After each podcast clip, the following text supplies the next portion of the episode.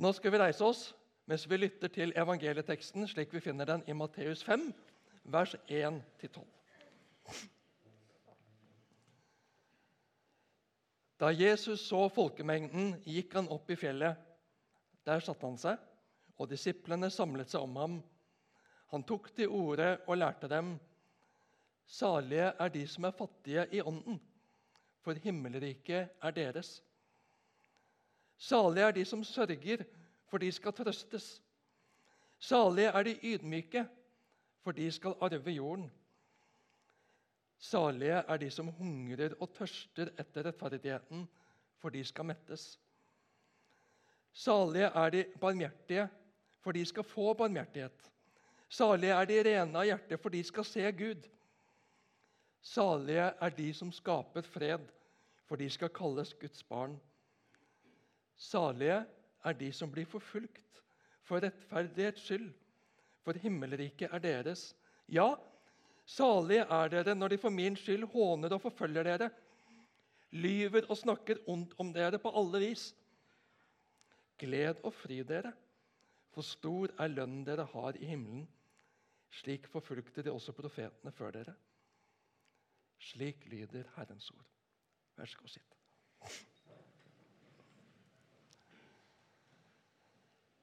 Hva er målet for livet ditt? Hva ønsker du å oppnå?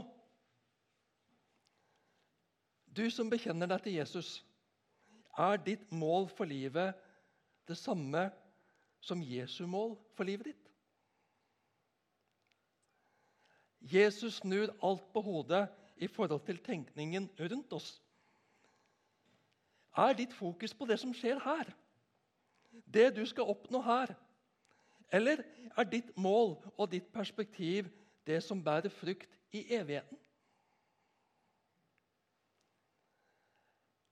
Jeg har så lett for å se på tall og måloppnåelse her og nå. Jeg er opptatt av at folk skal like meg her og nå. Opptatt av min egen familie, egen sikkerhet og trygghet, mine egne barn, egne prosjekter. Jesus ser lenger. Jeg har nylig mottatt nyhetsbrev fra utsendinger i Sentral-Asia.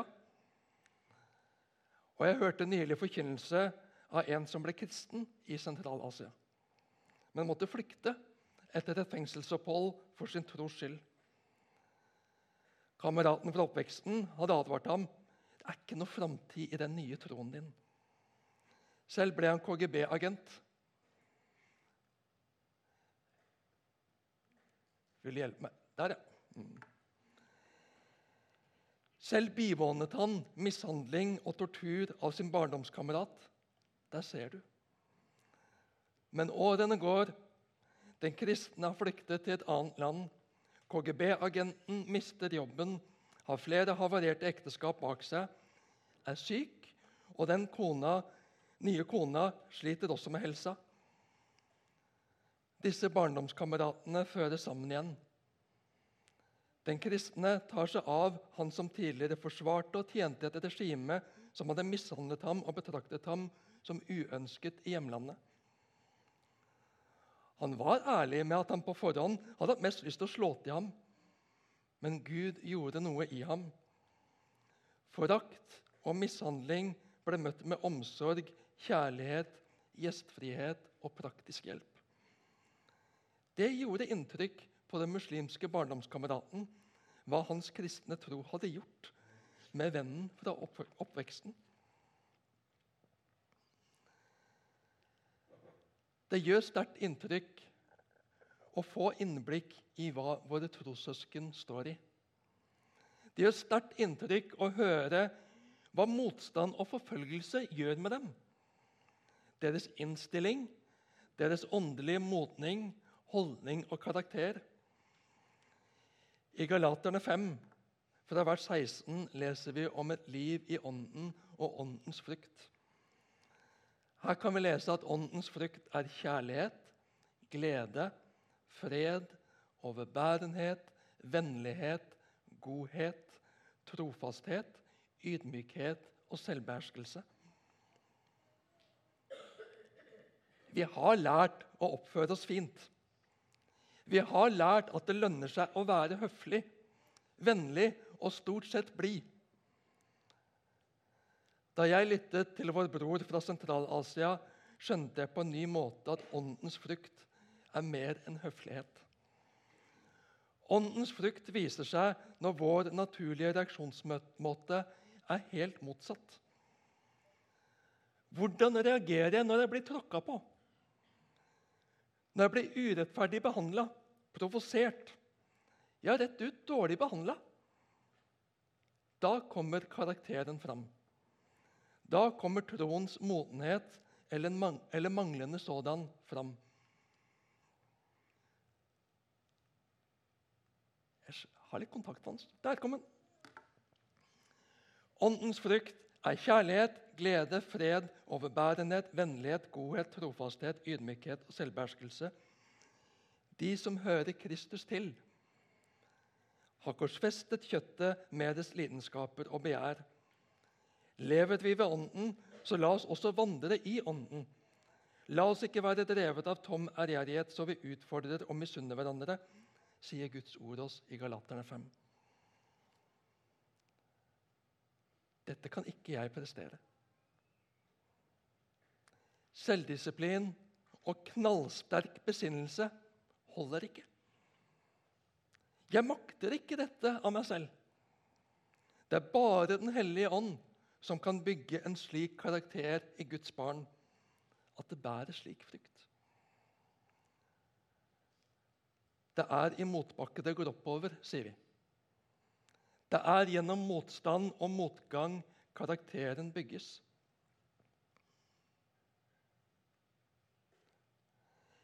Salige er de som sørger, for de skal trøstes. Salige er de ydmyke, for de skal arve jorden. Salige er de som hungrer og tørster etter rettferdigheten, for de skal mettes. Salige er de barmhjertige, for de skal få barmhjertighet. Salige er de rene av hjerte, for de skal se Gud. Salige er de som skaper fred, for de skal kalles Guds barn. Salige er de som blir forfulgt for rettferdighets skyld, for himmelriket er deres. Ja, salige er dere når de for min skyld håner og forfølger dere, lyver og snakker ondt om dere på alle vis. Jesus underviser disiplene sine. De er den nærmeste flokken av tilhørere. Så er det nok en videre skare som også lytter. Dagens prekentekst er innledningen til bergpreken, som jo på mange måter er en berømt tale av Jesus. Mange vil si at dette er godt. Dette er god lære. Om vi innretter oss etter dette, blir det godt. Jesus var en god morallærer. Samtidig så er det noe som blir vel radikalt for en del. Men Jesus underviser disipler til etterfølgelse. Jesus taler ikke for å bli populær, for å få anerkjennende nikk. Jesus taler for å forandre liv. Jesus underviser hva det vil si å være hans etterfølgere. Som gode lutheranere så kan vi tenke at dette lukter jo litt av gjerninger. Ja, men vi er jo frelst av bare nåde. Vi kan komme til skade for å tenke om nåden på en slik måte at det ikke er så nøye hvordan vi lever livene våre. Hvordan holdningene våre er, bare vi tror på Jesus og lever i hans tilgivelse. Didrik Bonhoeffer advarer oss mot billig nåde, en lat kristendom. Jesus elsker alle mennesker. Jesus rangerer ikke mennesker. Alle har samme verdi. Hvert enkelt menneske er overmåte verdifullt for Jesus. Hvert enkelt menneske er overmåte verdifullt for Gud. Ingen er for liten eller ubetydelig for ham. Men det er ikke sant at Jesus bekrefter deg og heier på deg akkurat som du er. Jesus vil ta imot deg, ja. Gud, vår far, vil omfavne deg og knuge deg kjærlig inntil seg, ja. Jesus gir et sterkt bilde av det i lignelsen om den bortkomne sønnen, som til slutt kommer til seg selv og vender tilbake til far når livet har nådd et bunnpunkt. Han omfavnes av far. Har du opplevd det? Å bli omfavnet av din himmelske far. Om du ikke har opplevd det, så kan du få komme hjem i dag. Bli tatt imot av Gud i dag. Men Jesus elsker deg for høyt til å la deg forbli som du er. Han vil vaske deg ren, han vil rense deg, han vil tilgi deg, helliggjøre deg. Han vil at du skal modnes og preges mer og mer av ham. At du blir mer og mer lik ham. At du bærer mer og mer av åndens frukter. Så har vi, selv om en del av oss er avholdsfolk, lært litt om beskjæring av grener på vintreet gjennom Guds ord og forkynnelse av det. Gud beskjærer sine kjære for at de skal bære god frukt. Det kan smerte å bli beskåret, men han gjør det av kjærlighet for at villskudd ikke skal ta kraften fra deg, men at du foredles for å bære frukt og forberedes for herlighet. Vi har forskjellige personligheter. Vi har forskjellig natur. Noen er veldig rolige og fredsommelige av natur. Andre er mer høyt og lavt. De blir lett begeistra, men også lett irritert og sint. Vi er forskjellige. Guds rike er ikke for noen utvalgte personligheter, men ikke for andre. Nei, Guds rike er for alle som bøyer seg for Gud i erkjennelse og bekjennelse av synden i sitt liv. Det krever ydmykhet. Den som holder på sitt, at 'jeg skal få det til selv', kommer aldri inn i Guds rike. Der, eh, du har skjønt det, Daniel. Også, jeg peker på deg, og så klikker, eh, skifter du bilde. Det funker best. Jeg har blitt veldig glad i den første saligprisningen. Salige er de som er fattige i ånden, for himmelriket er deres fattig i ånden. Det kan høres ut som å være åndssvak. Enkelt utrustet, en som er litt enkel i toppen. Slik vi bruker disse betegnelsene, er langt ifra virkeligheten her i bergpreken, her i Jesu tale. Det er ikke slik at en må ha lite i topplokket for å kunne bli en kristen. Absolutt ikke. Men intellektuell kapasitet hjelper en heller ikke til himmelen. Jesus bruker barna som eksempel på hva tro er. Ingen kan komme inn i Guds rike uten at den blir som barn, hører vi hver gang det er barnedåp her i Misjonshuset. Selv de minste barna kan gripe det. Ja, de små barna er eksempler for oss i hva tro er. Fattig i ånden handler om å være fattig i seg selv. Fattig i egen kapasitet på en slik måte at en ser at en er avhengig av en annen. Vi trenger å se at vi er avhengig av Jesu rettferdighet, av Jesu nåde, av Jesu tilgivelse for å komme inn i himmelriket. Å alminneliggjøre synd, å bagatellisere og normalisere det som Guds ord sier nei til, det fører bort fra Guds rike. Men en ydmykhet som erkjenner at jeg er en synder som trenger Jesu tilgivelse, der åpner seg en, en dør i Han som sier, 'Jeg er veien, sannheten og livet'. Ingen kommer til Far uten ved meg. Jesu tolv disipler kranglet om hvem som var størst. Mor kjempet for sine sønner om ikke de kunne få sitte på Jesu høyre og venstre side i herlighet. Posisjoner, myndighet og makt ære og status, prestasjon og stolthet tar så fort plass i oss mennesker. Selv om vi er ganske høflige stort sett. Jesus sier ikke 'ta dere sammen'. Jesus peker på målet. Jesus peker på hva som karakteriserer de som går på den veien som fører til målet. Jesus peker på hvor saligheten, lykken, er å finne Vi søker så lett på feil sted. Og så blir vi skuffa, desillusjonerte og apatiske. Enten om vi besnæres av rikdom og velferd, materiell nytelse, se hva vi kan få til, hvor langt vi kan komme, og spennende forvaltning. Eller om vi virkelig strever for å få til å være gode mennesker. Streve etter å bære såkalte åndens frukter. Vi vil jo være glade, vi vil være kjærlige og fredelige kristne. Men det er sannelig ikke lett når de andre er så vrange i viljen og tar alt opp i verste mening. Det er allehelgensdag i dag. Som lutheranere så er vi ikke veldig opptatt av helgener. Men det kan iblant være godt å skule til noen som har gått foran. Hva de gjennomgikk for evangeliets skyld. Hva som var viktig for dem når det regnet på. Hvordan takle motstand og vanskeligheter. Jesus snur det meste på hodet i forhold til vår umiddelbare intuitive tenkning som mennesker. For vår intuisjon er preget av syndefallet. Instinktet i oss ønsker selv å være Gud, i hvert fall bestemme selv. Og vi sliter med å tenke i et evighetsperspektiv.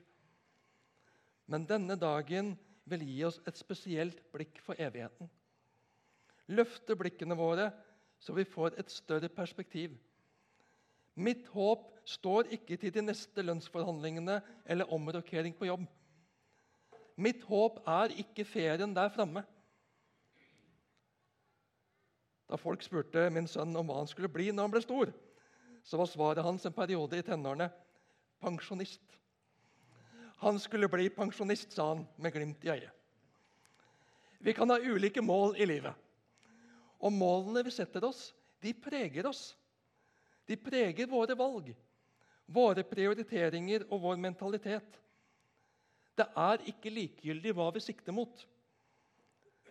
Det er en fare å bli så oppslukt av hverdagens kav og mas at vi glemmer målet med det hele. Vi skal hjem. Hjem til far. Hjem til Gud, vår himmelske far. Vi skal til himmelen, den nye jord, det nye livet der vi skal være sammen med vår skaper og far, Herre og Frelser. Et liv uten begrensning. Et liv uten ende. Vi lærer av de som har gått foran. Og mest av alt ser vi på og lytter vi til, er avhengig av og lever nær og lar oss prege av Jesus Kristus. Det er ham vi følger. Det er han som vet veien. Det er han som setter standarden. Det er han som vet hvor vi skal. Det alt er ferdig, jeg skal innkje gjerda, synger vi en gammel sang. Og det er sant. Jesus sa det selv. Det er fullbrakt idet han døde på korset til soning for din og min skinn. Mye vil ha vår oppmerksomhet bort ifra det. Mye vil ha vår oppmerksomhet bort ifra ham. Derfor har vi menighet. Derfor har vi kristne søsken. Derfor kommer vi sammen for å kalibrere, for å hjelpe hverandre og få fokus på det viktigste. Derfor synger og tilber vi. Derfor ber vi for hverandre. Derfor deler vi Guds ord sammen i gudstjenesten her og i Vana-gruppene i over- og underetasjen.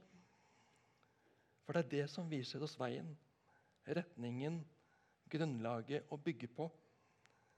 Derfor deler vi Guds ord og liv sammen i smågruppene for å styrke og bevare hverandre på vei hjem til far. Og vi ønsker å få flere med på veien. For en dag skal vi stå der.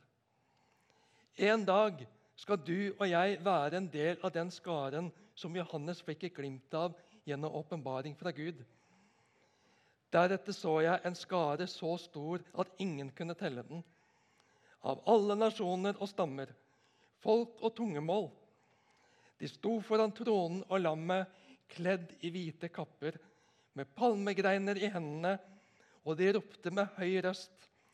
Seieren kommer fra vår Gud, han som sitter på tronen, og fra lammet. Gud sitter på tronen. Han er herre. Jesus er lammet som ble slaktet til soning for alle menneskers synder. Seieren er hans. Du skal slippe å seire. Du skal slippe å få det til. Du skal leve i ham, i Jesus, nær Jesus. La ham lede deg helt hjem. Amen.